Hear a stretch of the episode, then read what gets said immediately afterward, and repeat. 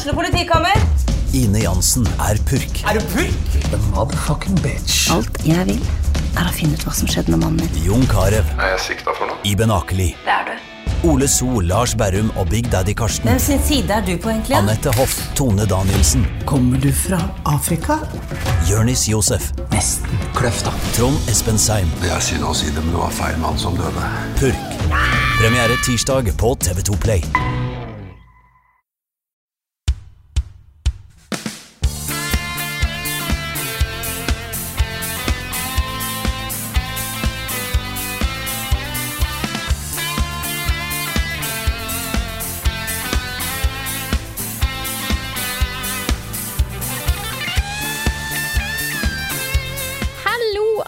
Sammen, og velkommen til en ny episode av podkasten Level Backup. Med meg, Frida Danmo, og med meg har jeg som vanlig Karl Martin Hogsnes og Rune Fjell Olsen. Hallo, folkens. Hei, hei. Hei, Frida. Litt av en uke vi har eh, hatt, eh, folkens. Ja? Vært 17. mai. Yes. Det er Game of Thrones-avslutning. Yes. Nytt album fra Rammstein. Yes. Og så så jeg John Wick 3 på Imax på søndag. Og Det var litt av en uke, altså. Ja. Ja, var, Sto det til forventningene, eller? Ja da, eh, kanskje ikke alle tingene, men noen av tingene. Ramsch- Rammstein-albumet er genialt. Mm. eh, John Wick 3 var dødsbra. Det er første gangen jeg har vært på en Imax-kino. Fordi jeg ikke har lyst til å se kino i 3D. Men den gikk i 2D på Imax, så vi hadde liksom en luksus Jeg skulle egentlig gå med kona, da, men hun så liksom ti minutter av John Wick. Hun kom seg gjennom John Wick 1, så så hun ti minutter av John Wick 2. Og det var et eller annet arm, en arm som ble knekke eller nakke eller et eller annet. Og bare sånn Nei, nei. Du må finne noen andre å gå med. og det var helt greit, fordi det liksom de første, bare de første 15 minuttene av John Wick 3 var sånn Vet du, Jeg og kona mi hadde bare gått. Hun hadde gått ut av salen og ikke Ja. Så jeg dro med Erik, da. på det vi hadde det sånn buddy- buddy-kult. nice. Ja, dateseter. Jeg, eh, hadde jeg ikke hatt planer i helga, så hadde jeg, jeg vurderte veldig å bare kjøre John Wick-maraton. Og så Ja. bli med deg på kino. Men det, Ja helga var fullstappa, så jeg kunne ikke gjøre det. Nå får Erik vite at han ikke var den første jeg spurte. Åh, shit. Mm. Men du kan jo kan du ikke bare si at du spurte begge? Jeg sendte ut til alle, liksom, og de første som svarte Ja. Ja, ok. Jeg kan, jeg kan nevne da at jeg, um, eh, jeg spurte Nick først, fordi jeg vet hvor glad han er i John Wick. ja han men det er, ikke. det er greit. Jeg blir ikke lei meg av Ja. det. Og så spurte jeg deg, og du kunne ikke. Og så spurte jeg eh, en til. Tarjei. og så spurte jeg Erik. Okay. Så du er, du er min fjerde beste venn, Erik. Men vi hadde det veldig hyggelig sammen. Du gjør det, det du gjør det verre for Erik jo mer du snakker om dette her. nå. Jeg tror det går bra. Jeg tror han skjønner det. Ja, ja. Jeg har jo òg hatt en Jeg har gjort noe siden sist som jeg ikke har gjort på lenge. Jeg skal bare ta det nå. Fordi det er jo blitt en joke om at alle i Level Up har briller. Og jeg har jo databrillene mine, så jeg kommer jo på en måte et stykke der, men ellers bruker jeg ikke briller. Men de siste årene så har jeg merka at langsynet mitt har begynt å bli litt dårlig. Og jeg tenkte faen, nå har jeg ødelagt mitt godt over gjennomsnittlig bra syn med mye skjerm og eh, på nære ting, da. Tenkte at nå har det gått for langt. Nå er jeg nødt til å gå og teste synet mitt. Og jeg er litt sånn, var litt sånn misfornøyd. Fordi at da jeg var yngre, så sjekka jeg synet mitt hos en synspesialist og fikk beskjed om at jeg har godt over gjennomsnittlig godt syn. Og da har jeg på en måte Jeg har fløtet litt på den, da. I årevis. Det har vært en del av identiteten din, på en Yes, måte. det har det. Jeg har alltid kunnet sett bra. Og så har det plutselig rakna litt, da, de siste årene. Så tenkte jeg OK, greit, jeg kan leve med dette her. I verste fall så må jeg ha noen briller for å se bedre på langsyn, eller på lang sikt. Det går fint. Da skal jeg klare. Og så eh, kom jeg der og forteller at ja, jeg syns at jeg ser litt dårlig på, eh, på lang avstand, eh, og at det har blitt verre de siste årene, og at jeg det, Jeg føler at det tar veldig lang tid før liksom synet tilpasser seg, at det har blitt litt sånn tregt. Så får jeg vite, da, etter å ha tatt denne testen, at jeg fortsatt har godt over gjennomsnittlig godt syn. Men jeg har så godt syn at jeg merker når øynene mine blir slitne, Ah, og ikke ser like bra. Selv om jeg fortsatt måtte se bra, så merker den forskjellen. Eh, og at jeg derfor blir anbefalt å få ei progressiv brille som har pluss en halv nede og null oppe. Så jeg blir anbefalt å kjøpe briller uten styrke. Eh, fordi jeg har så godt syn. Det er, Du det, har er første gang, godt syn, det er første gang jeg har hørt at liksom, noen har så bra syn at de må ha briller. Ja. Men det var, det er akkurat det skal jeg si, da. De eh, progressive brillene er for å Det har litt samme effekt som databrillene mine har. At de har en litt styrke på nært hold, sånn at øynene skal slappe mer av når jeg jobber nært. For jeg sitter jo og skriver en del, eh, både på PC og ellers, og mye på lab. Mye sånn smått eh, arbeid i nær eh, avstand eh, til ansiktet. Så det var mest for å få på en måte øynene mine til å slappe av. Så yes. Det, jeg, har Ja. for, jeg fikk beskjed om at jeg har basically jeg har for godt syn. Kan jeg få komme med et, en alternativ teori? Ja. For du har jo ganske sånn sterkt utvikla konkurranseinstinkt, Frida. ja. Og en synstest er jo en test. Ja, Så teorien min da, det kan bare være at testen. Ja, ikke sant? Jeg tror bare hjernen din har liksom forbedra synet ditt mens du gjorde testen for å ace den, på en måte. Ja. Det, det kan være, altså. Jeg ser nå for meg Frida i en sånn gruppe for folk med dårlig syn, eller folk med briller. Hvor alle sammen snakker om liksom problemer i livet knytta til synet. da Og så ja, Frida, da er det din tur. Og så sitter du der og bare mm, Ja, skal jeg fortelle dere om min situasjon?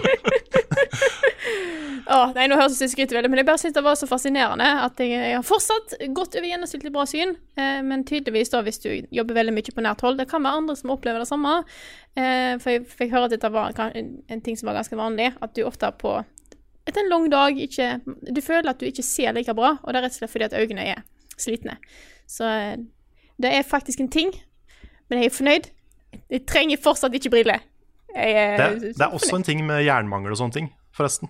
Åh, Hvis man, man, hvis man har det, så, så kan man liksom oppleve at man blir eh, svimmel og ser dårlig. Vi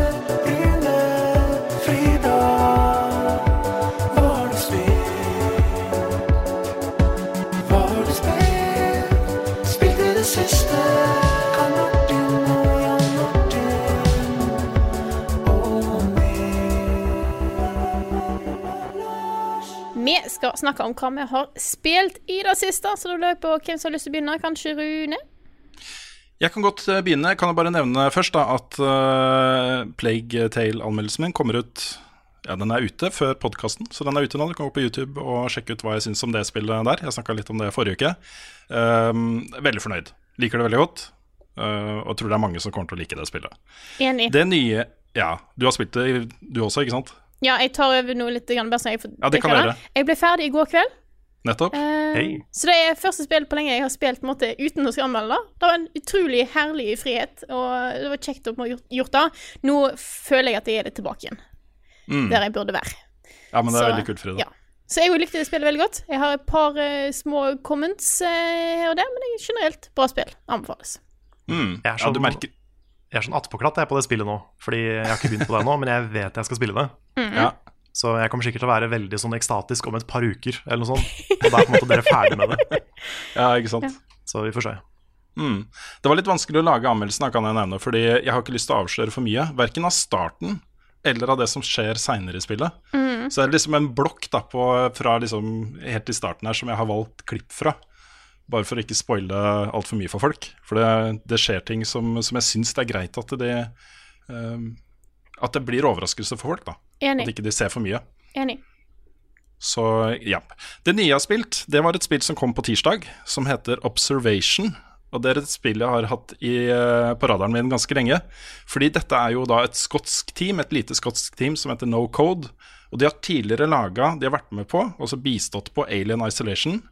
Eh, og de har laga da helt selv et eh, veldig bra lite horror, uh, puzzle-basert horrorspill som heter Stories Untold som eh, er liksom basert på skjermer og sånn, så det er mye av mekanikken du kjenner den her, da. Men premisset for Observation løfter det enda takk fordi dette foregår da på en ødelagt romstasjon, hvor eh, dr. Emma Fisher våkner opp etter en ukjent hendelse. Eh, romstasjonen funker ikke som den skal, den er litt ødelagt av uforklarlige årsaker. Hun prøver å liksom ringe til, eller få dialog da med alle de andre som jobber på romstasjonen, får ingen svar. Ingen som svarer på Houston. Alt er bare helt dødt. Men du spiller ikke som Emma Fisher, du spiller som A-en på denne romstasjonen, som heter Sam. Så det er jo Hal, ikke sant, men mm. Sam ja, det her, dette her var jo den traileren vi så for ikke så lenge siden. stemmer det. Hvor, som, hvor det handla om at you are the station. Ja. You are the station. Mm. Ja, det er det spillet. Become the station. Så du gjør jo det, da. Du får jo beskjed fra Emma om eh, hva, du skal gjøre. Eh, hun gir deg oppgaver. Eh, målet er jo å fikse romstasjonen og finne ut hva i all verden som har skjedd.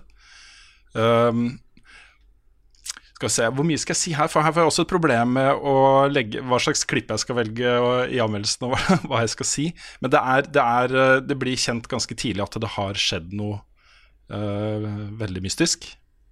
Um, jeg kan nevne én ting, da, fordi den AI-en Det kommer opp av og til sånne beskjeder hvor det står, står bare beskjed da, til AI-en. Bare 'bring her'. Ta henne med til oss, liksom. Og ja.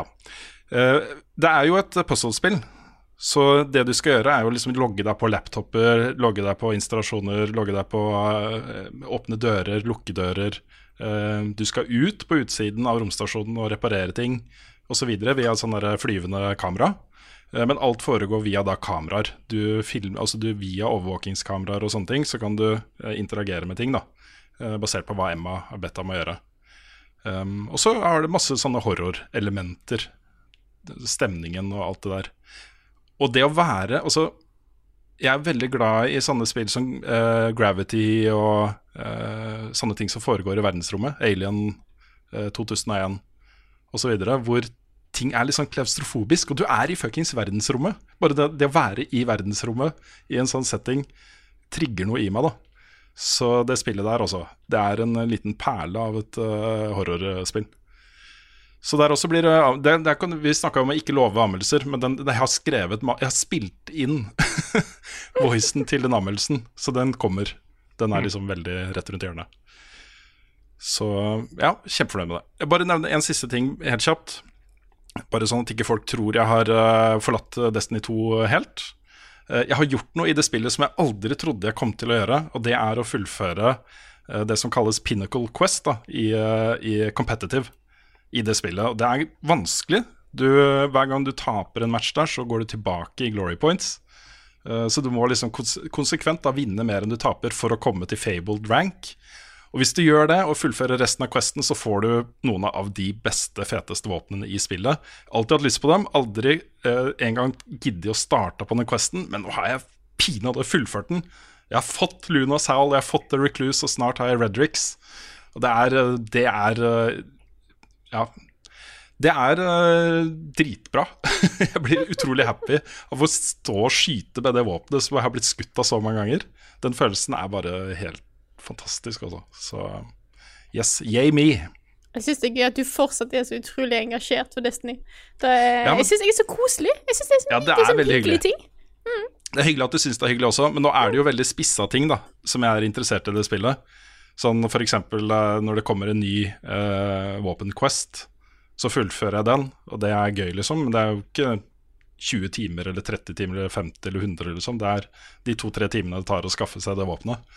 Og så gjør jeg noe annet. Og så er det den questen her. Som, da har jeg gjort bare det. Jeg har ikke gjort noe annet i spillet i den perioden, ikke sant. Så Nei. Get you a man who looks at you the way Rune looks at Destiny. Ja. Ja, nei, det er en, eh, en, eh, har vært en langt eh, og nært og flott Ikke alltid. Vi har hatt, vært litt uvenner innimellom også. Jeg har, vært, jeg har forlatt Destiny i lange perioder. Hmm. finner alltid tilbake, vet du. Ja. Meant to be. Ja, skal jeg eh, ta over litt? Ja, du kan ta over. For jeg har eh, spilt et lite spill som jeg ikke hadde Jeg kan ikke si jeg hadde voldsomt høye forventninger til det, men jeg har blitt positivt overraska over Team Sonic Racing. Wow. Jeg er overraska over at du at det Med en gang det er et spill som har Sonic i seg, og at det er bra, gir meg en liten sånn Å ja, Ja, kult. For da, Ja, fordi- det er så sjeldent nå. Ja Sonic har jo holdt på å si blitt synonymt med en sunn skepsis. Ja. Det ikke, tror jeg ikke det er slemt å si. Det er, kommet- det er, så, det er så veldig mye opp og ned her. Men, eh, men det spillet her er jo Du kan jo si det er en sånn Mario Kart-kopi. Du har jo veldig mye av de samme mekanikkene. Du har eh, samme drift-systemet, og du har jo power-ups og boosts og liksom alt det du finner i Mario Kart. da Men eh, det er også en del ting som gjør at det skiller seg ut en del. For det er jo basert på tidligere eh, Sega racingspill. Du har den derre Sonic and All-Stars. Er det Sonic and All-Stars eller Sega and All-Stars? Jeg tror det er Sonic Sonic, Sonic and All-Stars. Ja, mm. Jeg tror det er Men, det. det er, men det er to av de. Og så var det jo eh, Sonic R, eh, som jeg spilte da jeg var liten, som var eh, dårlig, men jeg koste meg med det. Eh, og dette her er på en måte en oppfølger til begge deler. da. Og det er til og med remix-musikk av Sonic R-musikken, som er kjempemorsomt. For det var jo sånn der eh, veldig sånn gladpop. Så det, det var veldig, veldig gøy å se. Men eh, det som et- gjør, da Ja. Nei, Nei, eh, Ja, skal jeg ta det først? Jeg har, for jeg Ta- har nemlig et spørsmål til dette Ja, spillet her. kjør på. Hvorfor har de putta Sonic i en bil? Nei, det er Jeg så en take på, på Twitter som jeg syns var veldig bra. OK? At det er fordi uh, Sonic har lyst til å ha det gøy med vennene sine. You mean maxing fucks. jeg syns det var liksom Ja, OK, jeg ser den. Jeg ser den. Så jeg syns det, det var en bra take. Så den, den vant meg litt over på Sonic i bil. Men, um, men det som gjør da at det spillet her er litt annerledes, det er at det er teambasert. Derav Team Sonic Racing. Hvor du har eh, da eh, Jeg mener i hvert fall hittil så har jeg 15 forskjellige characters du kan velge mellom. Og de er da delt opp i, i lag på tre. Så du har fem forskjellige teams. Og måten det her funker på, er at du skal vinne, du skal helst komme på førsteplass. Men eh, score-systemet og måten det går eh, med deg på, handler også om hvor bra teammatesa dine gjør det. Så hvis hele laget ditt kommer på førsteplass, f.eks., eller første, andre, tredjeplass, så er det liksom det aller beste. Og du kan også, når du får en itembox, sånn som i Mario Kart, så kan du istedenfor å bruke den, donere den til en person på laget ditt. Oh. Sånn at de kan komme seg lenger fram, og liksom ta ut noen av de som ligger bak. da. Sånn at hvis du får et bra item, men det ligger på førsteplass og du får ikke brukt det, så kan du bare donere det til en av de andre. Og du kan eh, kjøre bak en du spiller på lag med, altså rett Hva heter det? Sånn eh, Det er et begrep. Eh, drifting. Er ikke drifting, er ikke det sånn sving? Ja, det er begge deler, tror jeg. Altså, Ja, okay. jeg, jeg tror det. Jeg er ikke 100% sikker. Det er Jeg et tror det- Jeg tror jeg vet du- hva det heter, men jeg skal google. Yep. Ja, altså, det ligger ja, i slipstreamen til bilen, men uh, Ja, jeg, tror Ja, det kalles, jeg tror det kalles å drifte når du også ligger bak noen. Men det er, nå kommer det sikkert 1000 uh, bilspill-sim-entusiaster som kommer til å myrde meg i kommentarfeltet. Drafting var det selvfølgelig. Jeg mente drafting. ok. Ikke drifting, og men drafting. Ja, Ja, fordi du har både drifting og drafting. Ja. Uh, men drafting gjelder bare på de du spiller på lag med. da Oh, ja. Så du kan jo, eh, hvis du er god, helt sikkert Jeg er ikke så god ennå, men da kan du liksom spille på lag med noen. Og så kan dere hele tida drafte på hverandre ikke sant? for å få boosts. Og bytte på hvem som ligger foran, hvem som ligger bak. Og så får jo den som ligger bak, en boost av den som ligger foran hele veien. Og hver gang du gjør noe for laget ditt, om det er å donere items eller om det er å kjøre bak til sånn, så bygger du opp et meter. Og når det er på maks, så kan du på en måte aktivere det som er spillet sin versjon av stjerne. da. At du blir udødelig, og du kan løpe fort, du kan kjøre fortere, og, og hele laget får den power-upen. da. Så det er liksom Det er et eh, kartracing-spill med en del teamwork og strategi. Og jeg syns faktisk det funker ganske bra. Det som er negativt med det, er jo det at det er jo litt høyere terskel for å hoppe inn i det og lære seg det enn Mario Kart. For Mario Kart er jo sånn spill som alle bare skjønner med en gang. Mens her så er det litt mer å sette seg inn i. Men det er samtidig liksom, det er ting jeg ikke har sett i andre kartracingspill før. Eller racingspill generelt. Og jeg syns det er en del gode ideer. Og jeg syns de funker. Jeg har ikke testa det med andre menneskelige spillere ennå. Jeg har bare testa det i story-moden. For det er en story-mode også, som er eh, presentert med sånne PowerPoint presentation-bilder, så det er ikke veldig high budget. Men, eh, men den er der. Og i hvert fall den virker som en ganske sånn robust eh, singleplayer. da. Det her er, er liksom det hører, lukter litt sånn Sonic e-sport av dette her. Det hadde vært kult å se to dritbra lag konkurrere. Ja, jeg også tenker det. Nå vet jeg ikke om det kommer til å bygge seg et eh, e-sport-community rundt det. det er Ti jo, eh, millioner dollar i førstepremie. Da, da vil det nok bygge, ja. men, sånn, eh, men det er noe her, da. Jeg synes det er liksom, Dette er et smart system. Jeg har litt sansen for, for den siden av e-sport. Med spill som Rocket League og da eventuelt Team Sonic Racing og den type spill da, som er litt mer overdrevne og sånt, men fortsatt skill-baserte. Mm. det, det kan være så utrolig morsom underholdning da, å se på gode matcher i de spillene. Ja, det er sant. Og så er det De klarer på en måte å differensiere seg fra Mario Kart, da. Selv om det er veldig Mario Kart på veldig mange punkter. Det er vanskelig å unngå det, da. Ja, det er det. Men det er liksom ikke Jeg syns det er ganske mye høyere da enn de typiske Mario Kart knockoff-spilla. Ja. Det, det er ikke Garfield Kart, liksom. Det er, det er, det er litt, litt bedre enn det. Så eh, jeg ble veldig positivt overraska over det spillet her.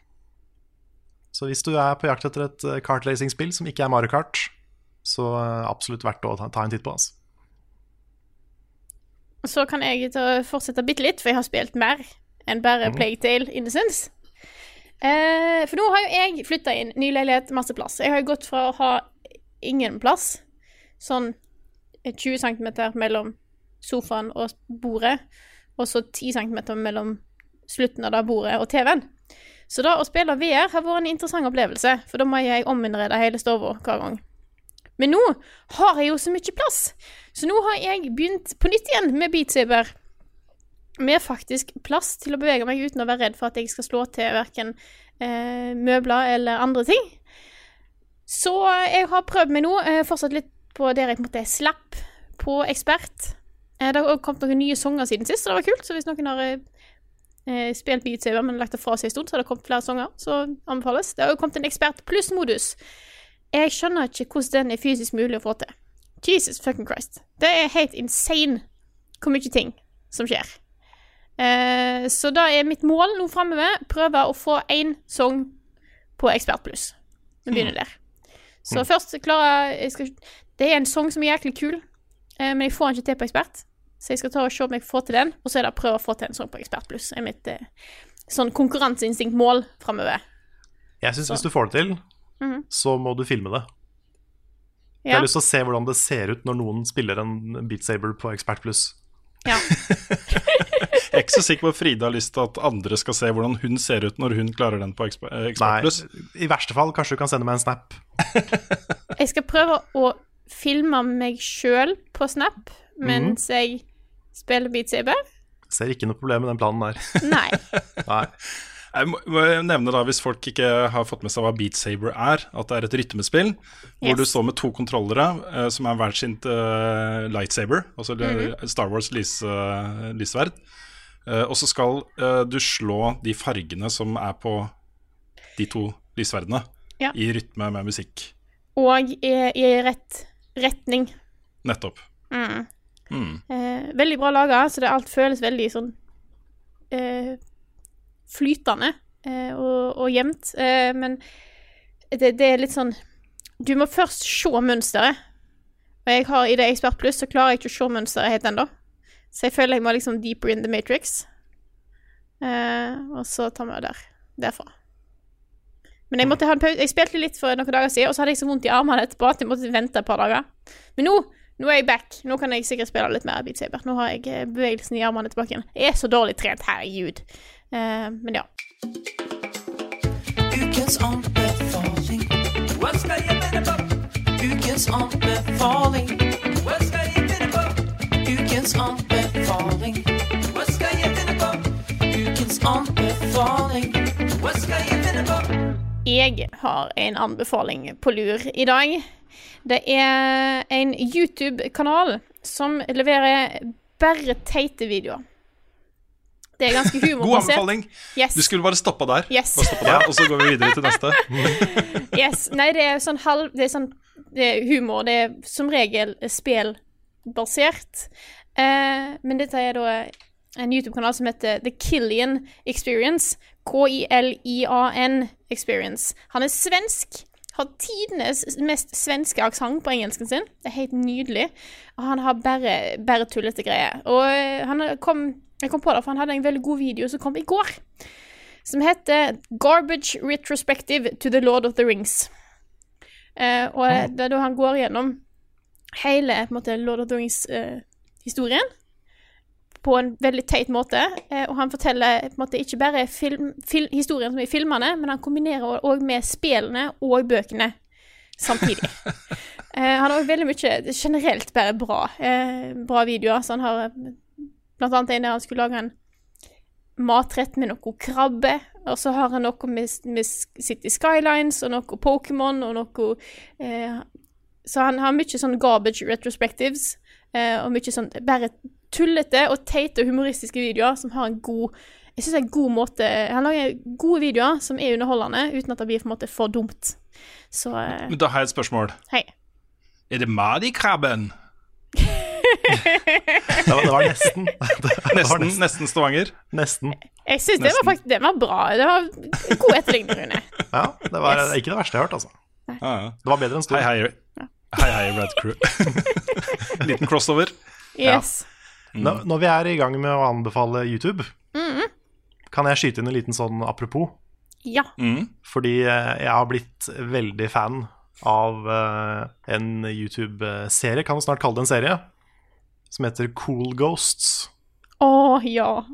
De er så bra. Det er sånne Altså, det er en på en måte et sånn spillmagasin med anmeldelser-type ting, men det er også et humorprogram med veldig rar, bisarr britisk humor og en sånne innslag som bare Hvem i all verden kommer på dette her? Ja. Uh, og episode tre kom i går. Eh, og det er jo det er mange måneder mellom hver episode, for de tar, tar seg veldig god tid på å lage det. Eh, har vel hatt en pause også nå, men eh, men når de episodene kommer, så er de bare så bra. Det er sånn noe av det beste jeg har sett. Så eh, det er veldig sånn inspirerende å se hva de gjør med det formatet. Da. Så anbefaler å sjekke ut eh, Cool Ghosts også.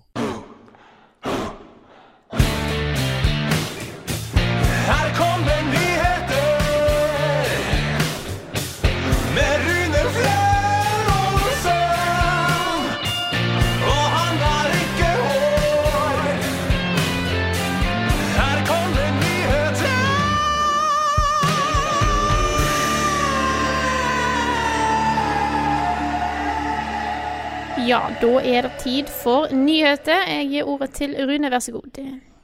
Yes, yes. Begynner med Oslo e-sportfestival, som er nå til helgen. Lørdag og søndag på Ullevål. Hvor eh, det er da finaler i både Telia-ligaen og i eh, E-serien, som er Fifa 19. Det er semifinaler i noen av spillene også, eh, og også noen kvartfinaler. Men det er hele lørdag, hele søndag. Vi eh, eh, har andre ting å gjøre på lørdag, Karl. Vi skal ut og reise litt og filme litt, eh, og det var den eneste dagen som passa. Men vi er der på lørdag og skal kikke litt og På søndag. Ja, på søndag, mener jeg. På søndag. Vi er der på søndag. Eh, og det eneste vi ikke får med oss da, det er League of Legends-finalen. Så kanskje prøve å få noen til å filme litt for oss, sånn at vi får med det også. Men eh, jeg gleder meg veldig, og det er, jeg er spent på hvor mange som kommer. Disse e-sportarrangementene er jo litt avhengig av at det er litt stemning i salen, at folk er litt med, på en måte. Um, så jeg håper at de får til det. Eh, jeg tror det blir bra.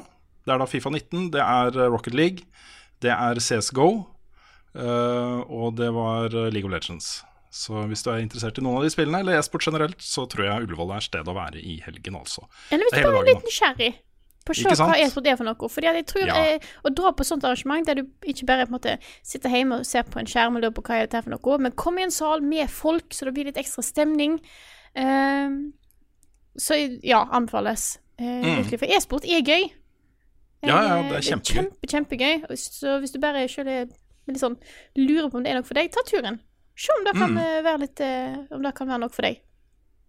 Bare søk på Oslo e-sportfestival på Facebook eller uh, i Google, eller uh, Bing hvis du bruker det. Eller uh, DuckDuckGo, eh, hva som helst. Du kan søke på det, da får du De første treffene skal være de du trenger. Ask står det- Jeeves. Ask Jeeves, ja. Mm. Yahoo. Greit. Uh? Neste nye sak innleder jeg med et spørsmål fra Jonathan Rudolf. Og spørsmålet hans er Har dere noen tanker om det ryktede FromSoft pluss George R.R. Martin-spillet? Sjanger, tema eller noen andre ideer om hva det kan være? Og Utgangspunktet her er jo de ryktene som har gått nå i ganske lang tid om at uh, George R.R. Martin, også kjent som forfatteren av, Ring, av Ringenes herre, av Game of Thrones, um, har vært i Japan for å jobbe med FromSoft med et nytt, ikke-annonsert spill. Han la ut en bloggpost denne uka her hvor han skrev at han hadde vært i Japan for å jobbe med et japansk spill. Så han har bekrefta at han har vært det. Eh, og ryktene her eh, Det er flere som har eh, hivd seg på nå eh, og kommet med liksom konkrete rykter om hva det skal gjøre og være. Så bare understreker at dette er rykter. Ingenting som er bekrefta, men ryktene sier at det er et open world-spill lagt til på en måte norrøn mytologi, hvor gameplay vil bestå av at det er forskjellige kongedømmer, hvor du må eh, komme til det landet, liksom, eller det området, nedkjempe den kongen for å få egenskapen til den kongen som du tar med deg, med deg videre til. Så det høres ut som en miks av et litt sånn open world-spill og God of War og Dark Souls, på en måte. Bare, hvis, hvis det er det, hvis det er det Og Jesus Christ, altså. Ja, jeg, jeg så det i overskriftene, og det var, bare, det var bare for mange kule ord på en gang. Ja, ikke sant? Så det, det er sånn, jeg tør ikke helt å få for øye forhåpninger ennå. Nei. Fordi eh, tenk om det ikke Altså, ikke sant? Mm. Samtidig da, så er det jo, det er jo FromSoft. Og de har jo vist med, med Sekiro at de kan shake opp formelen sin og likevel lage noe helt fantastisk.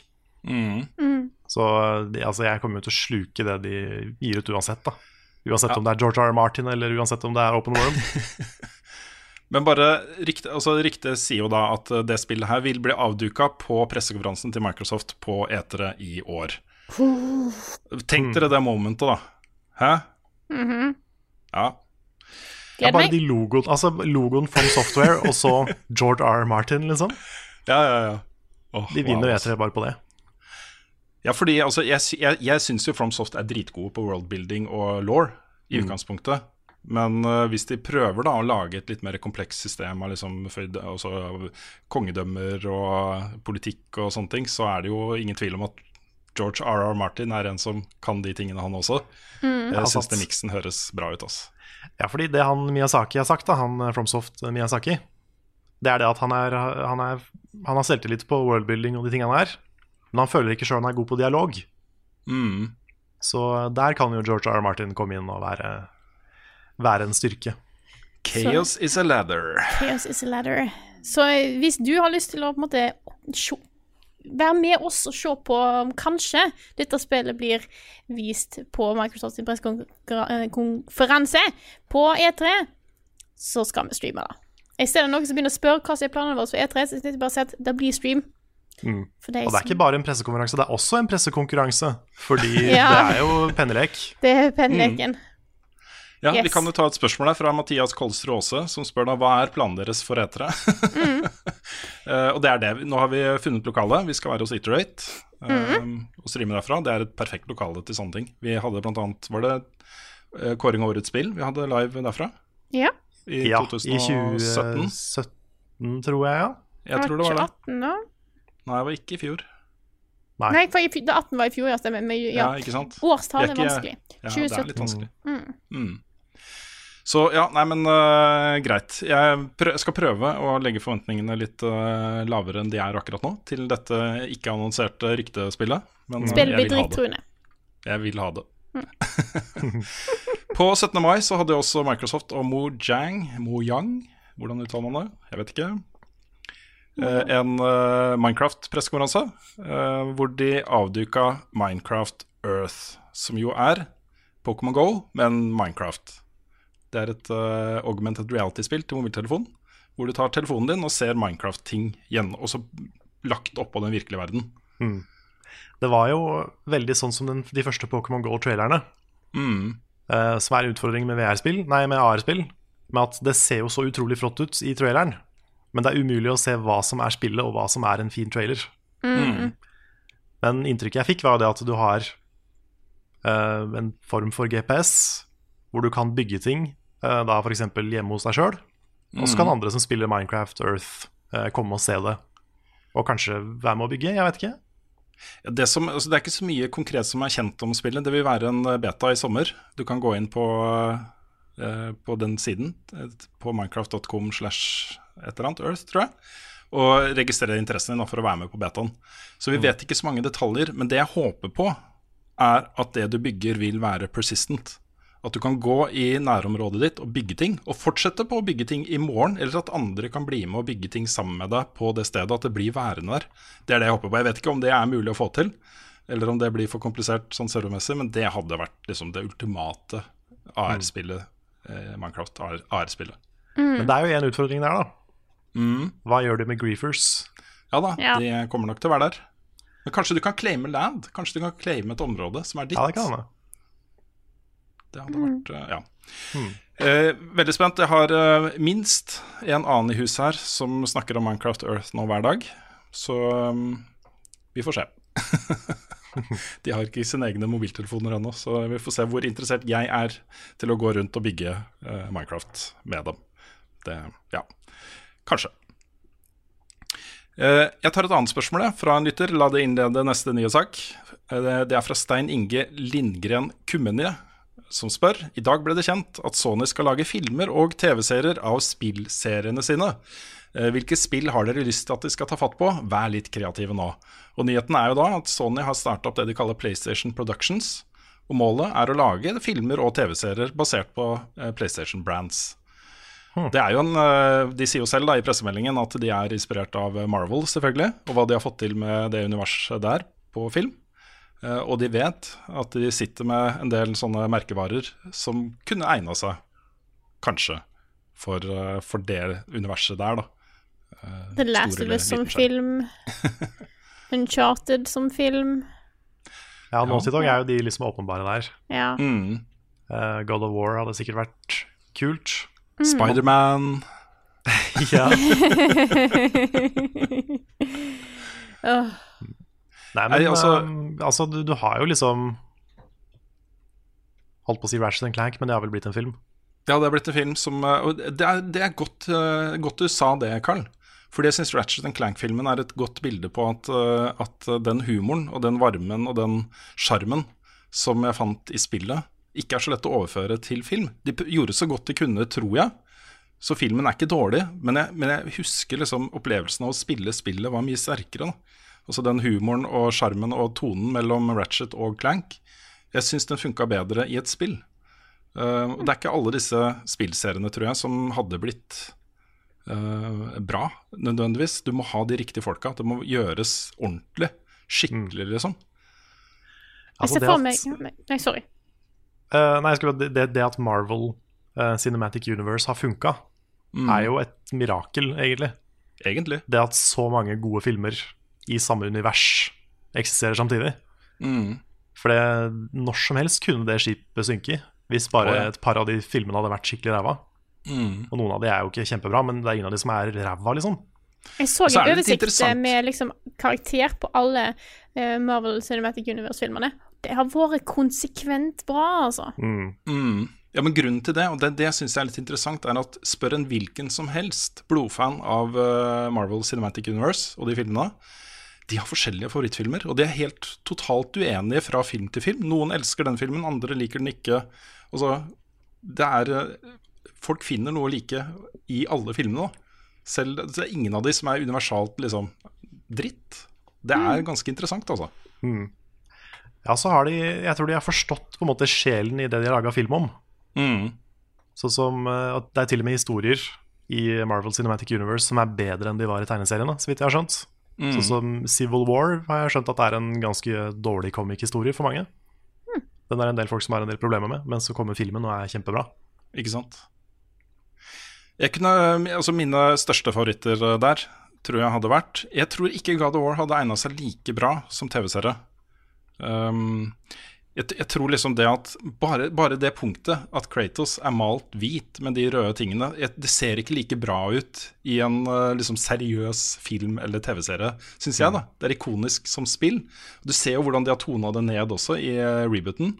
Det er liksom litt fada, den røde, og den hviten er ikke like hvit som han var tidligere. Og sånne ting Uh, Og det er jo fordi det er liksom Det er sånn man designa spillfigurer før. ikke sant? De skulle være ikoniske, de skulle ha noe veldig eget ved seg som gjorde at alle kjente dem med en gang, og osv. Så, videre. så de måtte ha gjort litt med det, tror jeg. Um, men Horizon tror jeg hadde vært dritbra som en TV-serie. ja. Det kunne kanskje vært liksom starten Kanskje hele første sesong er bare her gikk det gærent, liksom, for menneskeheten. Og så kunne de fortsatt med det som skjer da i framtiden. Det tror jeg hadde vært uh, dritbra. Ok, Hva med, eh, bare sånn for for å prøve å komme med noe sånn litt out of left field Hva med en type sånn Warner Bros 2D-animert Crash Bandicoot? Ja. Jeg så for meg en, eh, jeg så for meg en, en kunstkortfilm basert på Journey. Ja. Oh, ja. Eller en kunstkortfilm basert på Crash Bandicoot.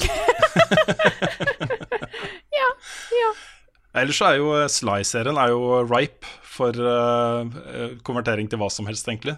Der er det mye å ta tak i, altså. Det kunne blitt skikkelig, skikkelig bra tegneserie. Men ok, hva med en skikkelig high budget dramafilm basert på Heavy Rain? Nei! og, og Beyond Two Emotions? Ja, altså Beyond kunne, kunne jo det er, I Beyond så er det jo en god historie. Også en Ja, i hvert fall hvis du, hvis du bare bruker halvparten og skriver om nesten, så er det en god historie. Det er det jeg mener. Også Mm. Selve konseptet i seg selv, med uh, hun, hun og de kreftene hun har, og den uh, Aiden, medhjelperen hennes, også den psychic powers og sånne ting, det er jo et dritbra utgangspunkt for hva som helst. Så Mm. Men den, den twisten må de gjøre om, for den så jeg komme etter fem minutter. ja. De må gjøre om mye, da. Veldig mye. Ja. Men uh, også, ofte i den type filmer så elsker jeg jo den origin-delen av, av historien.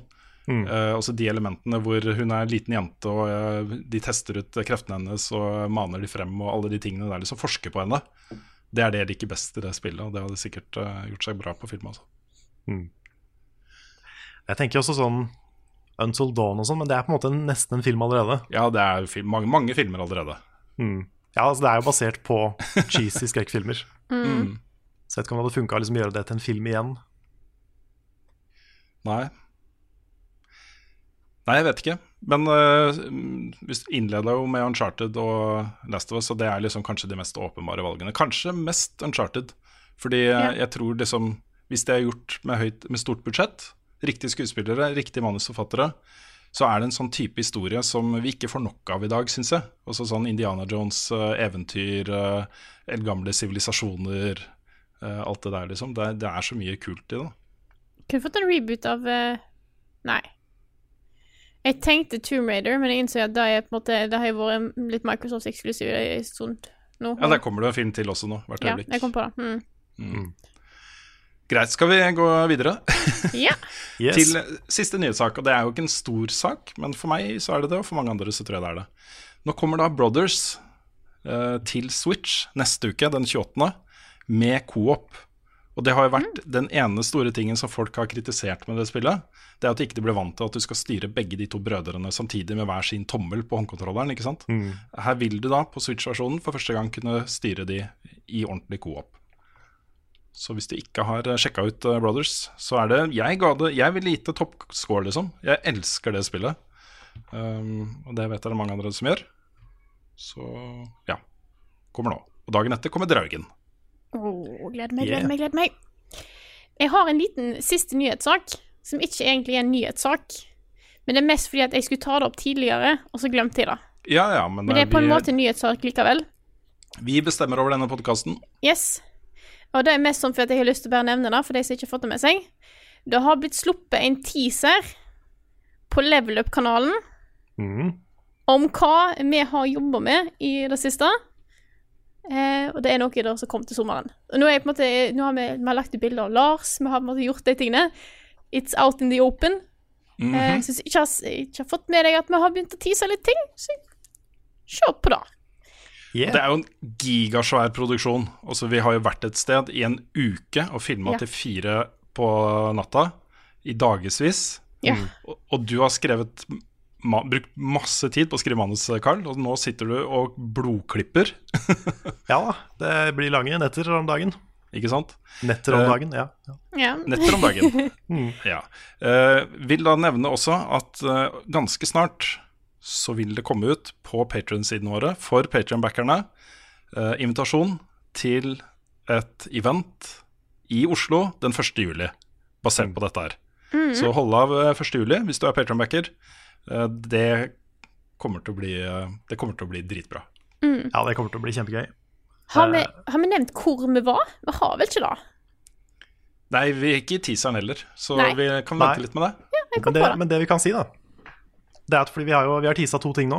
Mm. Det første er jo bildet av Lars Der hvor det lå en eh, gjemt YouTube-link i, i bassenget. Som det tok så lang tid Vi var ikke sikre på hvor lang tid det kom til å ta for folk kom til å finne det. det var sånn, de kom til å finne det innen første timen, eh, og så var det sånn Skal vi begynne å tease mer? Skal vi begynne å poste gifs? Vi posta jo gifs som Mad Men. Det var jeg liksom bare prøvde å få folk til å skjønne at de skulle se på dette bildet, men det var ingen som fikk det med seg, følte vi. Nei, fordi jeg var sånn Ok, har jeg, har jeg skjult de bokstavene her godt nok? Men det viser seg at hvis ikke folk vet at de skal se etter noe, Ja. så er det helt umulig å se det. Ja. Så, men, men det var noen som så det til slutt, etter at vi hinta litt om at det var noe, noe gjemt i bildet. Uh, og hvis du tar liksom det bildet av Lars, kombinert da med den teaseren vi har sluppet, så kan du få et visst bilde av hva dette her er for noe. Ja, kan det.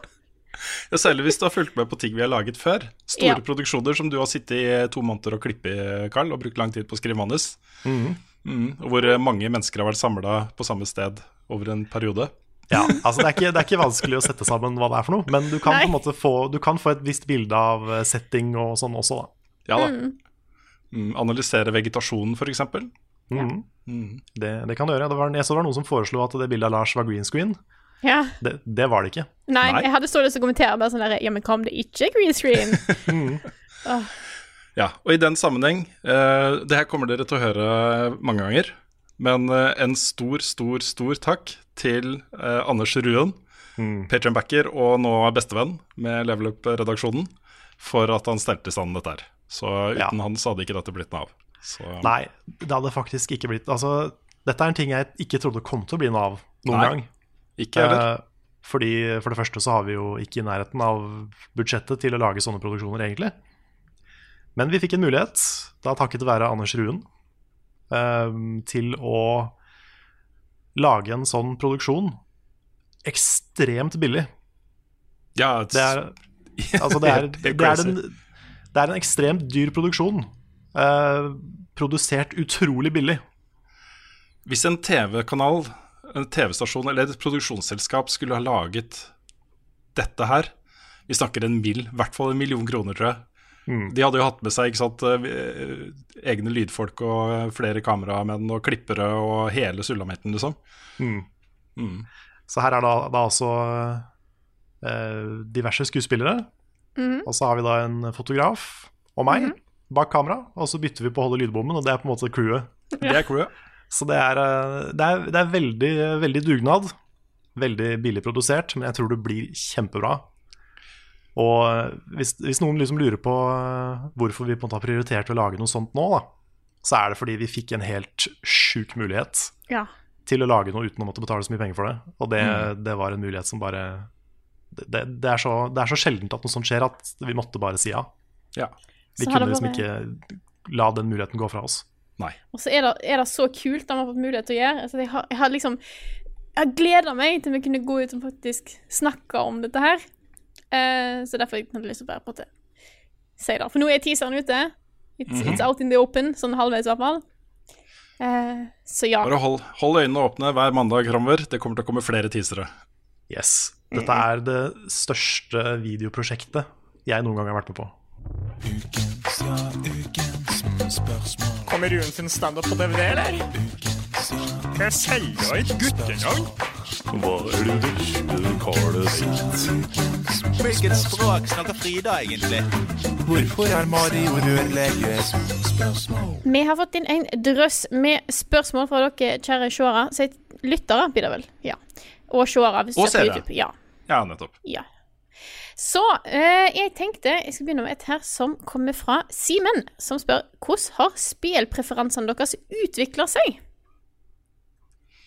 Godt spørsmål. Mhm. Og det har jo utviklet seg mest hos meg, sannsynligvis, som har, um, som har levd lengst. Eh, det er bare nyanser, da. Det er ikke sånn store, store endringer. Men den ene lille tingen er, som, eh, som er for meg litt stor, er at det ikke setter like stor Jeg setter fortsatt pris på det, men ikke like stor pris på spill som bare er uh, gameplay-gøy lenger. Jeg vil gjerne ha noe mer enn det, og jeg foretrekker spill som tar meg med til følelsesmessige steder som et Super Mario-spill f.eks. ikke kan gjøre. da. Eh, jeg har det fortsatt kjempegøy med Super Mario Odyssey. Jeg ville gitt det toppscore og sånne ting. Men hvis, hvis jeg liksom skulle valgt, så ville jeg prioritert noe mørkere og sånt. Bare, Så der har det skjedd en endring. Dette er ikke sånn generelt. Jeg bare syns det gøy at det kom fra eh, deg som var fullstendig oppslukt i Minecraft for ikke veldig lenge siden. Så, Jo, men du har Dungeons og uh, Ender Dragon og sånne ting, ikke sant? ja, men det òg er jo bare gameplay. Ja, jeg vet ikke. Lager dine egne historier. Jeg er veldig glad i sånn No Man's Sky og Minecraft og den type ting også. Hvor uh, man skal bygge ting og gjøre ting sammen med andre og osv. Så, videre. Ja. så det handler mer om sånn rent spillmekanisk. eh, Hoppe på den plattformen og trykke på den knappen og, og sånt. Mm. Ja, det går greit. Yes. Ja, jeg, jeg vet ikke. Jeg har uh, Altså, før jeg ble spillanmelder, så hadde jeg sånne faser. Hvor uh, Altså, det begynte jo med da jeg var liten, så spilte jeg det jeg hadde. Og det var alt fra plattformspill til uh, RTS, til Civilization, til puzzlespill. Det var liksom hva som helst. Eh, så fikk jeg en veldig sånn plattformspillperiode. Så slukte jeg alt på Nintendo 64 etter det. Eh, og så var jeg veldig, veldig inne i JRPGs i mange år eh, som, som hovedting.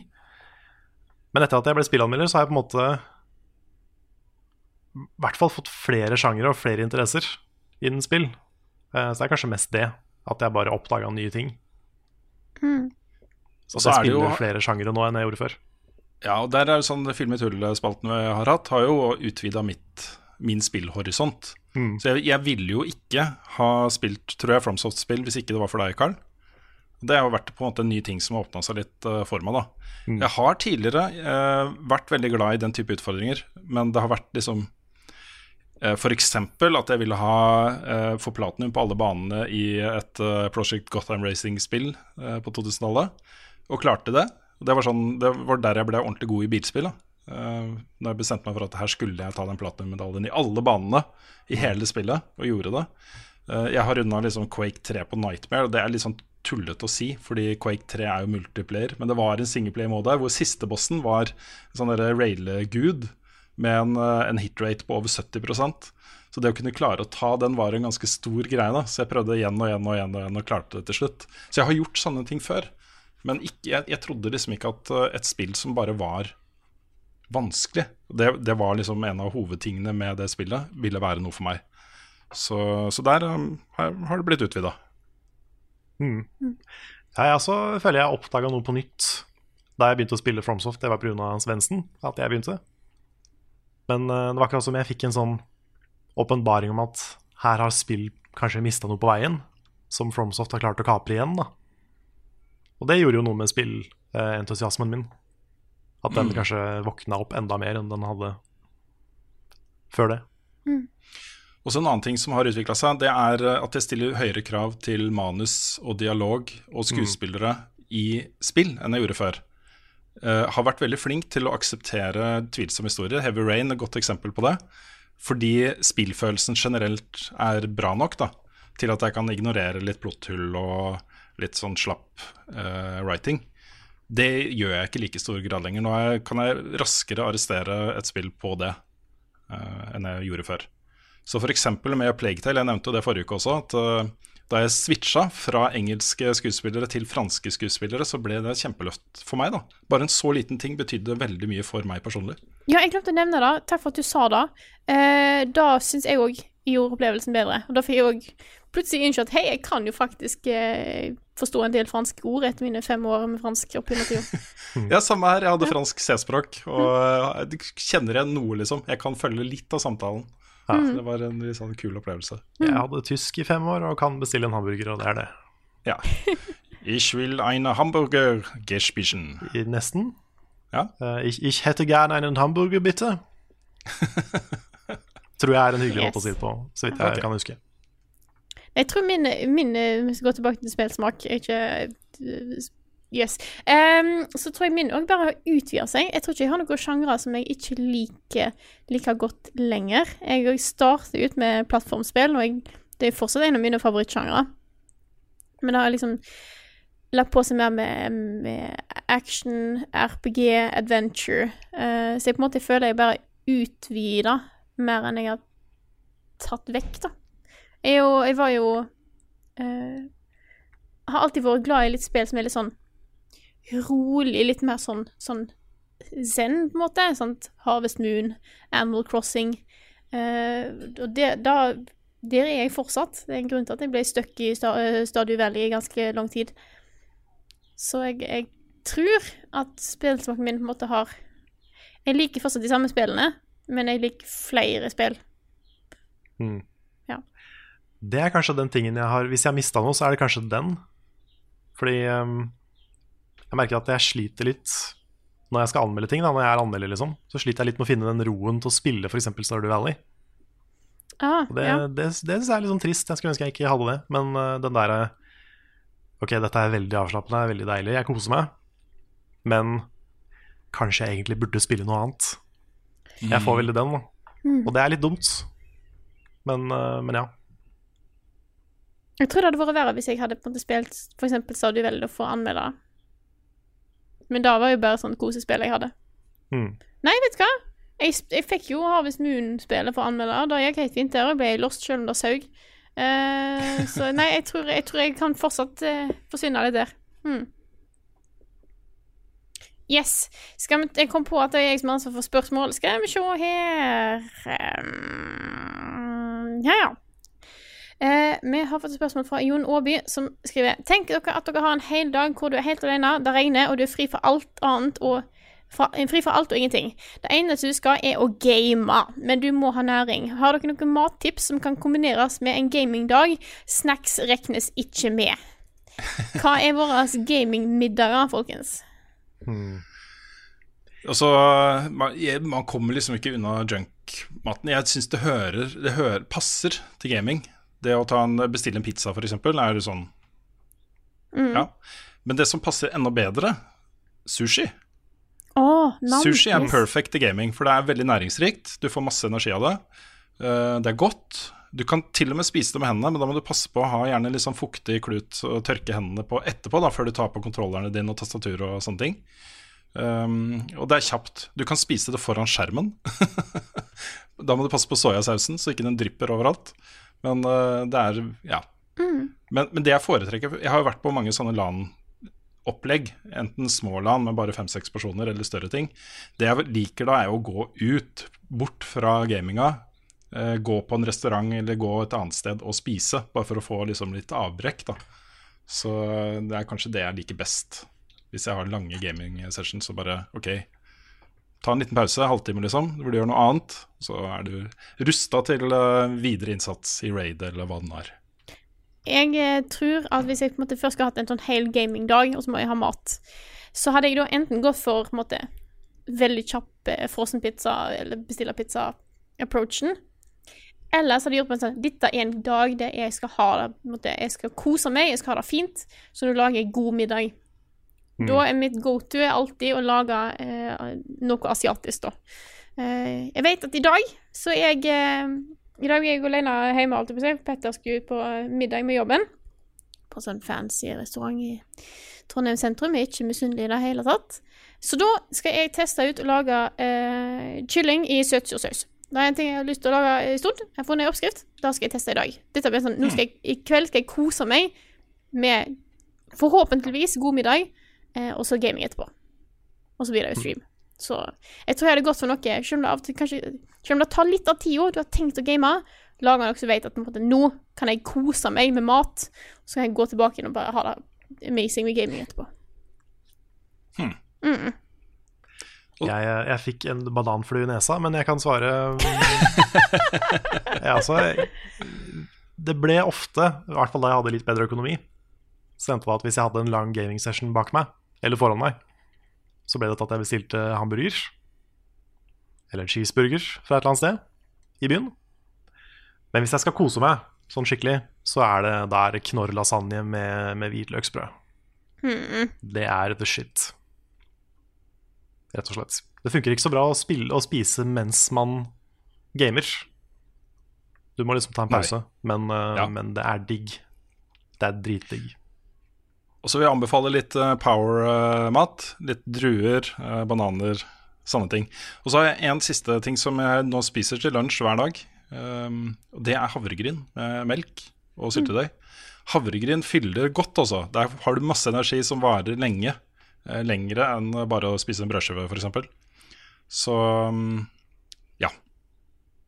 Havregryn med melk og syltetøy. Ja. Jeg begynner med sånn der musli, eller hva det heter. Mm. Det også funker ganske bra. Jeg Mm. det, det føles litt som å spise sånn sagmugg noen ganger, men det, er, det metter. Og det er sunt. Ta på syltetøy og litt sukker, så Ja, jeg gjør det. funker Ikke alt. sukker, men syltetøy og sånn prøver jeg. Ja, Ja, for jeg har fått noen sånne krusli-greier som er Ofte har med yoghurt, men òg bare godt med bare melk. Uh, og da er Det er sånn Jeg, jeg spiste det første gang og tenkte bare sånn Faen, da har jeg putta jæklig mye sukker i dette her. Så var det ikke sukker i det. Det bare er på en måte Det bare smakte godt uten at de har pøst på med sukker. Da er jeg fornøyd. Jeg, For noe som både, jeg, både liker å spise, og det er faktisk decentlig sunt. Mm. Ikke hvis jeg har yoghurt, da, for yoghurt er jo bare sukker, men you know. Yes.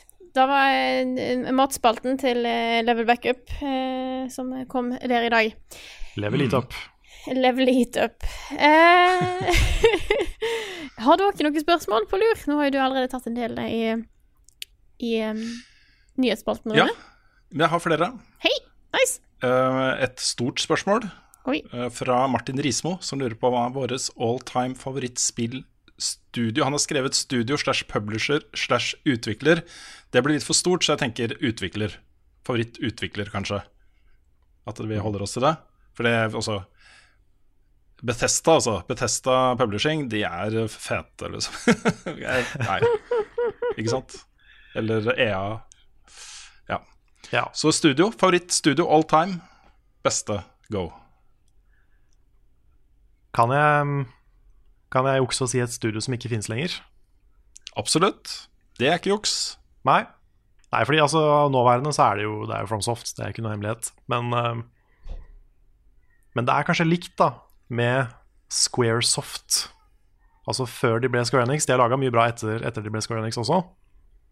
Men eh, tida før, altså da de var Squaresoft, så lagde Final Fantasy eh, opp til da ti, i hvert fall. Jeg tror ti var det siste som, som de var Squaresoft. Eh, og liksom Ja, hele den perioden der så var de bare helt uslåelige på gode, eh, svære spillopplevelser. Mm. Så det er nok eh, De er nok kanskje de som har vært viktigst for meg. Sånn opp igjennom. Mm. Jeg tror jeg må gå for på en måte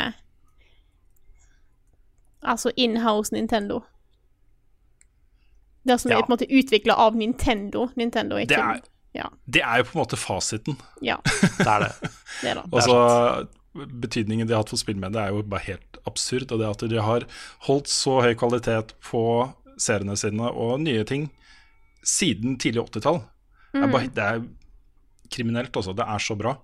Så det er fasiten. Jeg, jeg skal prøve å være litt mer personlig for min egen personlige ting, liksom. Mm. Um, så det kunne fort vært Nintendo, det også. Ja, for, det, for Men- meg personlig så er det da. Ja, jeg, jeg er skjønner, jeg skjønner det. Er ikke, det er ikke ja. meningen å si at det var et kjedelig valg, Frida. For det Nei. er det ikke. Det er, det er, det, er, de er best. Sånn er det bare. Og, ja. Eh, jeg tror jeg må gå for enten Bungie eller id Software. For meg rent personlig. For uh, Bungie var egentlig før id Software for meg. De hadde en serie som het Maraton på 90-tallet, uh, som bare kom på Mac. Og særlig Maraton 2 ble en litt sånn skjellsettende opplevelse for meg. Det ble en sånn stor oppvåkning for hva spillmedier kan være. Og litt tilbake til den derre du er alene, du er i verdensrommet, det er aliens, det er uh, romskip, det er Ikke sant? Traff meg så sjukt bra, da. Eh, og så fulgte de opp med Halo-serien, som også ble en sånn megastor favoritt, og så Destiny. Så de har liksom Siden tidlig 90-tall så har, jeg, har de fulgt meg, da. Uh, og vært litt sånn definerende på min spillsmak. Uh, Mm. Mens id Software har jo vært også multiplayer, spesielt, da. Men også singleplayer, med Quake og Doom. Helt amazing. Og det, den betydningen de hadde for, for skytespillsjangeren, eh, også for, eh, for Bungie, av- helt utrolig. Så ja. Hvis jeg kan ta delt førsteplass, så vil jeg si id Software og Bungie. Jeg tror hvis jeg skal, jeg komme, En annen som jeg kom på nå, som det er høyt oppe, er jo Platinum Games.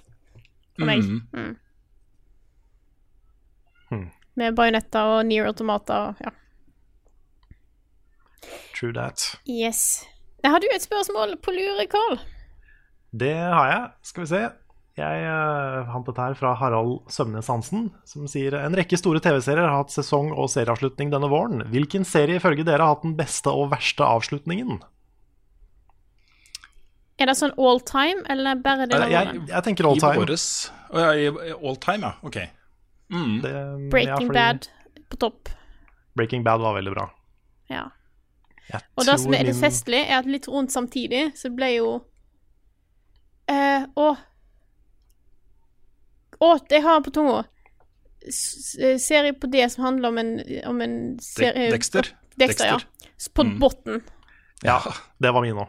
Ja. Ja, min også. Ja. Den, eh, det som internett har uh, dubba The Lumberjack Ending.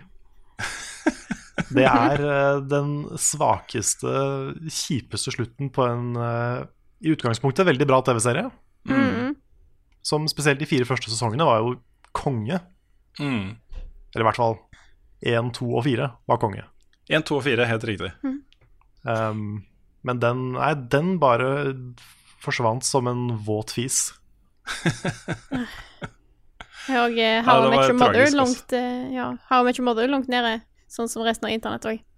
Mm. Ja, det, det var litt morsomt det som skjedde med How I Met Your Mother, fordi det var originalslutten de hadde planlagt. Men fordi de fikk så mange flere sesonger enn de trodde, så fortsatte de den andre historien. Og da funka ikke den originale slutten lenger. Nei. Ah. Så det, det, det var eh, litt uheldig. At de på en måte de var trofaste mot sin egen visjon, men da hadde det serien gått for lenge.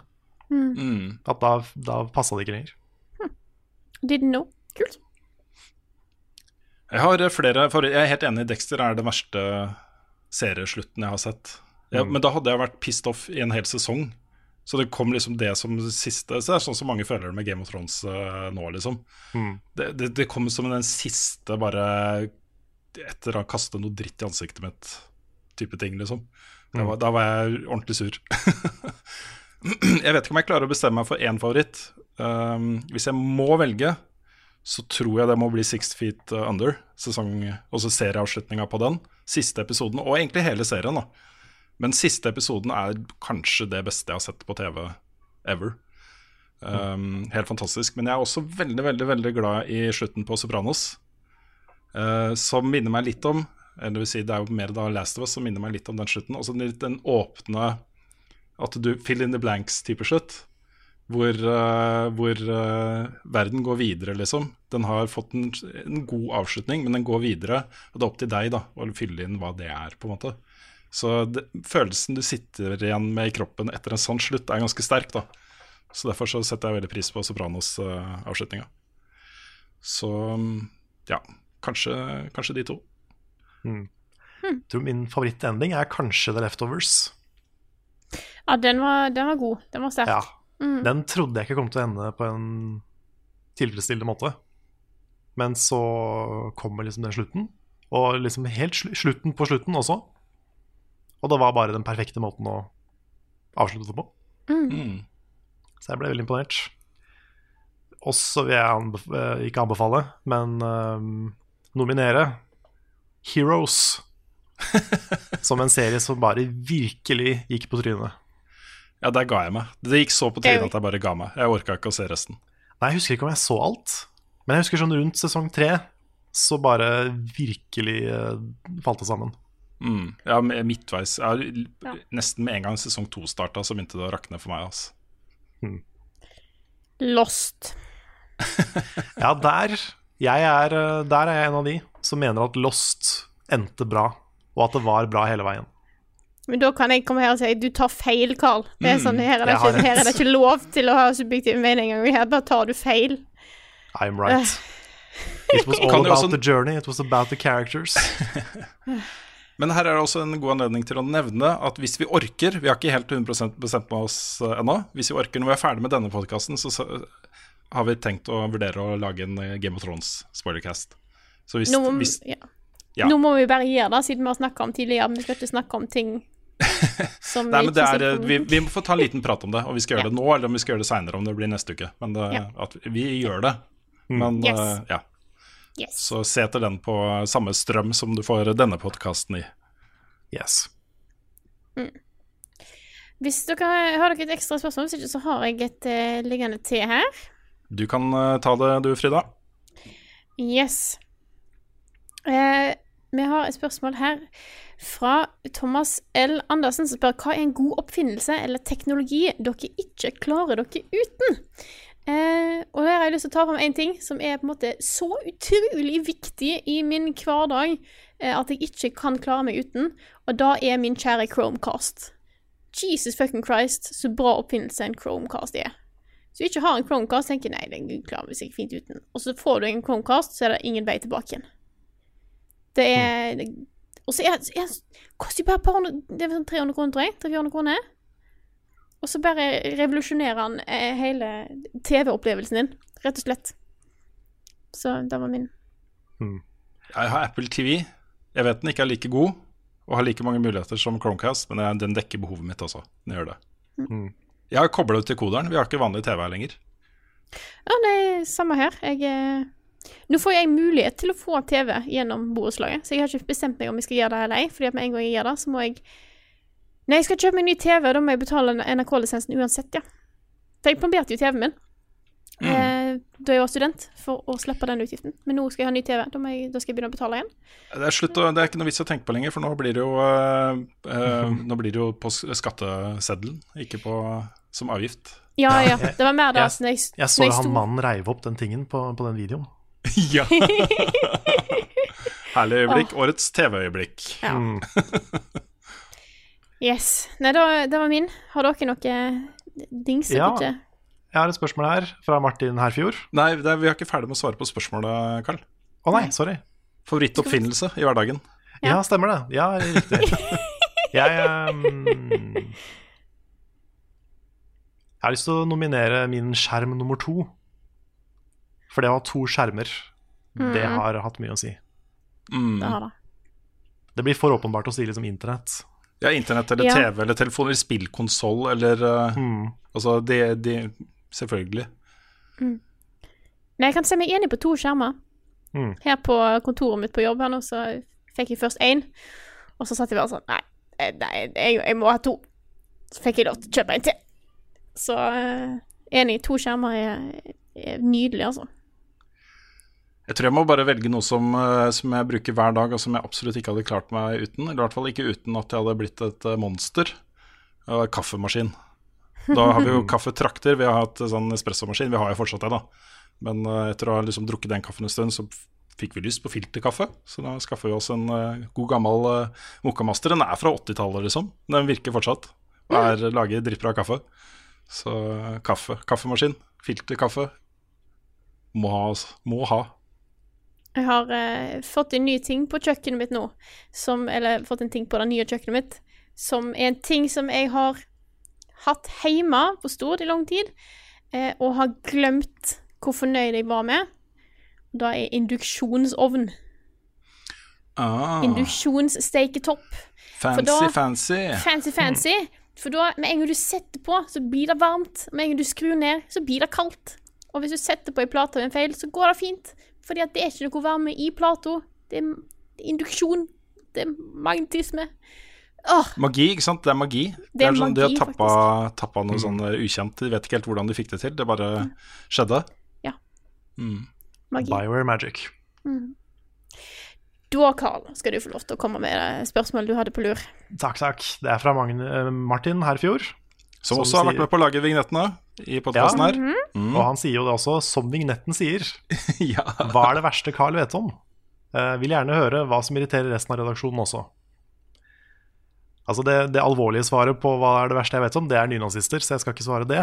Eh, men for å svare noe litt morsommere Noe av det verste jeg vet om, er det ene Snapchat-filteret hvor man får veldig store øyne og veldig stor munn. Og alle bruker det og tenker at de er den morsomste. Og det er sikkert morsomt når jeg gjør det, som, som den 415. som alle har sett som gjør dette her. Jeg har en beef med det Snapchat-filteret. Jeg synes jeg er så lei av det. Det ligger en lengre, lengre rant i den der. Altså, du kan jo ta med kjønnsswap-filter og Ja, altså, Snapchat-filter generelt er ikke meg. Nei. Det, jeg, altså, jeg syns ikke det er morsomt. Det er, sånn, det er Det morsomt når de første gjør det, og så er det old. Fra nå av, jeg kommer jeg til å jeg kommer til å ha på alle ting jeg sender til deg på Snap. Ja, det er, det, som er, altså, det er derfor jeg har liksom venta med å si det til noen. Mm. For det er, det er ikke så mange sånne, sånne ting jeg irriterer meg over, men akkurat Snapchat-filteret er sånn øh. Men jeg er liksom litt motstander av filtre generelt også. Jeg merker det når jeg legger ut bilder på enten Facebook eller Instagram eller hva som helst, liksom, og du har muligheten til å legge på filtre. Jeg gjør aldri det, altså. Kanskje gjort det noen ganger, og angrer. Veldig Hadde ikke du da bildet du nettopp la ut med ungene dine med dette her, eh, sedlene og alt mulig rart? Jo, det er, helt- det er helt sant. Det er helt sant. Uh, det er helt sant. Da, satt vi, da testa vi kjønnssvoppetingene for ungene. Sønnen min ble dritsøt som jente. Så ja. Det er en, det er en re regel med unntak, det er det. Men jeg tenker når jeg har tatt et bilde av noe, og så liksom legge på masse filtre for å få det til å se mer fancy ut, det de syns jeg er litt sånn billig, da. Jeg eh, har eh, Og dette er jo flere som er enig i, det er en sånn teit ting. Hater lyden av isopor. Fy fader, isopor er noe av det verste jeg vet om. Det er sånn Hvis jeg ser isopor, så vet jeg at hvis jeg må ta på dette, her, så kommer den lyden. Jeg vil ikke ta på isopor. Så jeg får litt sånn frysninger av, noe av å tenke på det. Det er faktisk noe Kanskje den verste lyden jeg vet om. Ah, veldig bra du sa. Veldig bra du sa. Den har jeg notert meg, så den har vi lagret på, um, på ansettelsesskjemaet ditt nå, Frida, på, i biblioteket vårt over de Ja. ansatte. Mm. Mm. Ting du kan gjøre i et duell, f.eks. Mm. Ja. Ja. Dette er hvorfor vi ikke burde ta opp sånne spørsmål. ja. Men, eh, men en, en annen sånn, sånn ting som ikke kan brukes mot meg, med mindre man jobber i butikk, det er eh, Jeg har sånn hverdagsnoia for når man pakker varene sine i butikken, og så kommer de andre, altså neste kunde sine varer nedover båndet før du er ferdig med å pakke. Ikke sant? Mm, Ja. mm, mm. Det er sånn fordi jeg vet jo hvilke varer som er mine, men da tenker jeg at fuck, nå kommer den kunden her til å tro at jeg prøver å stjele hans varer, eller hennes varer. Men jeg prøver bare å pakke mine egne.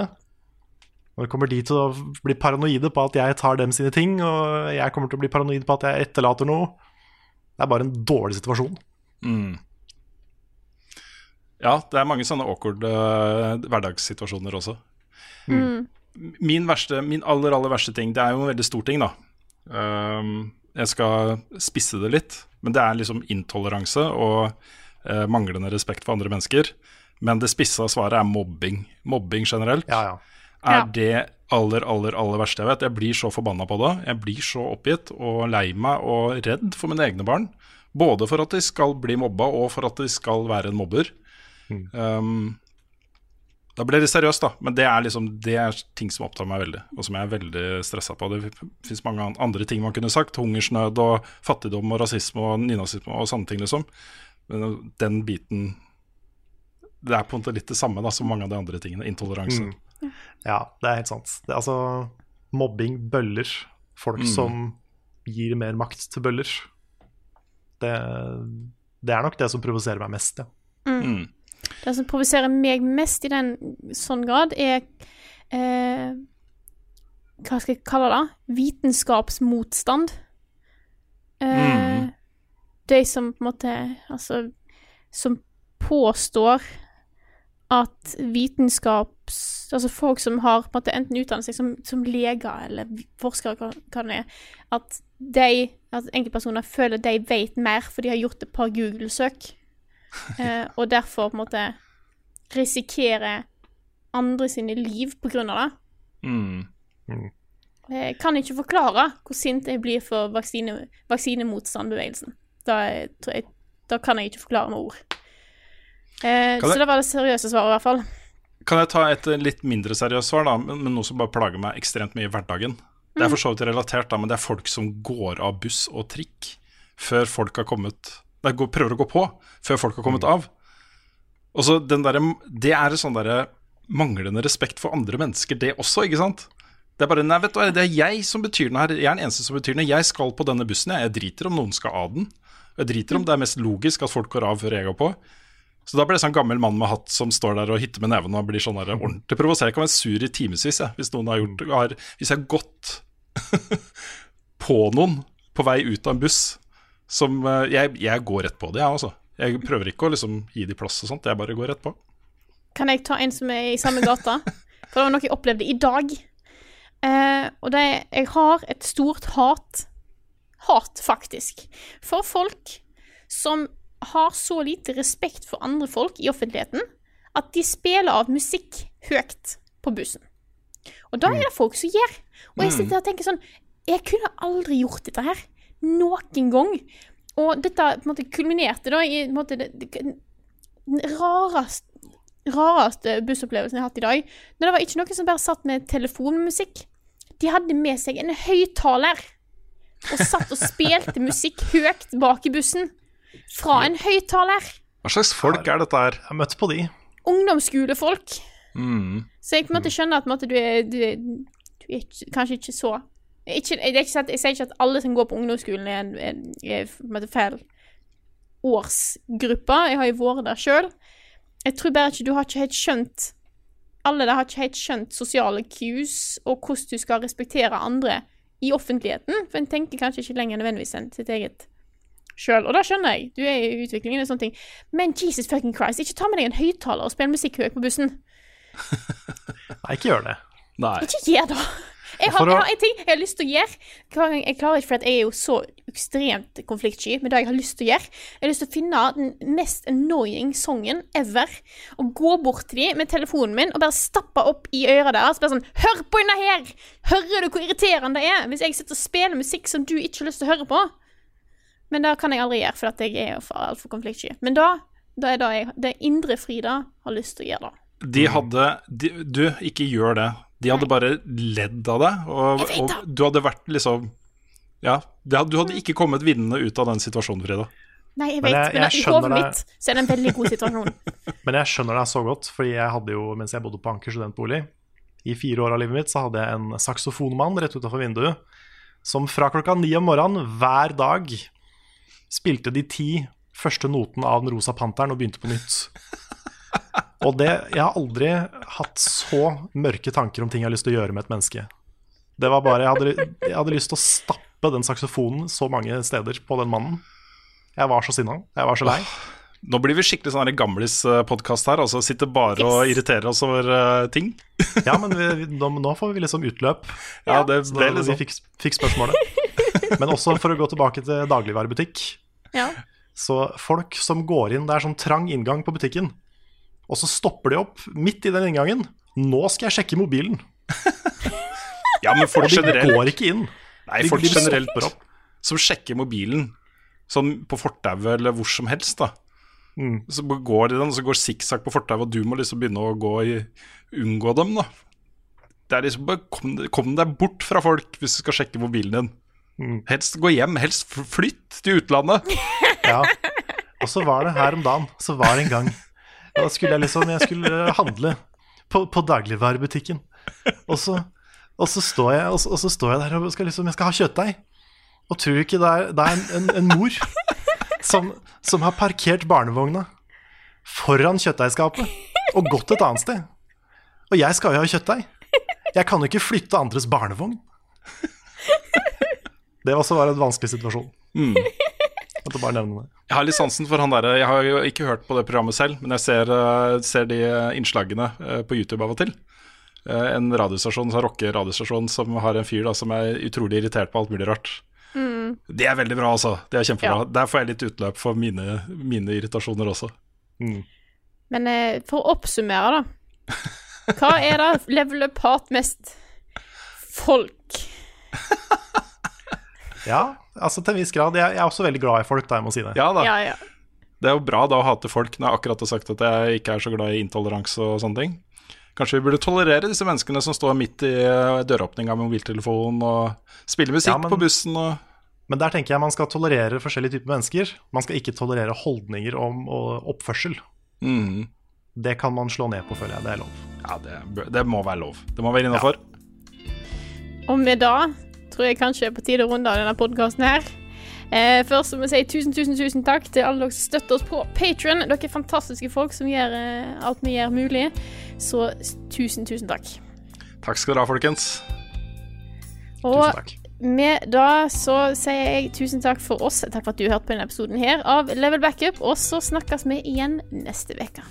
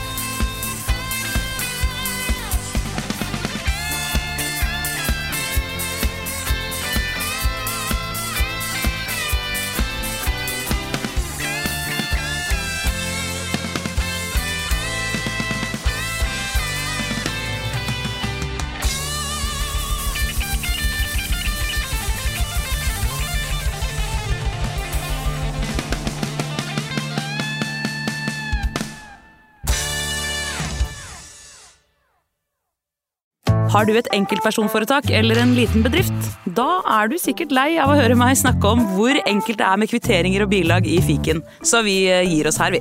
Fordi vi liker enkelt. Fiken superenkelt regnskap.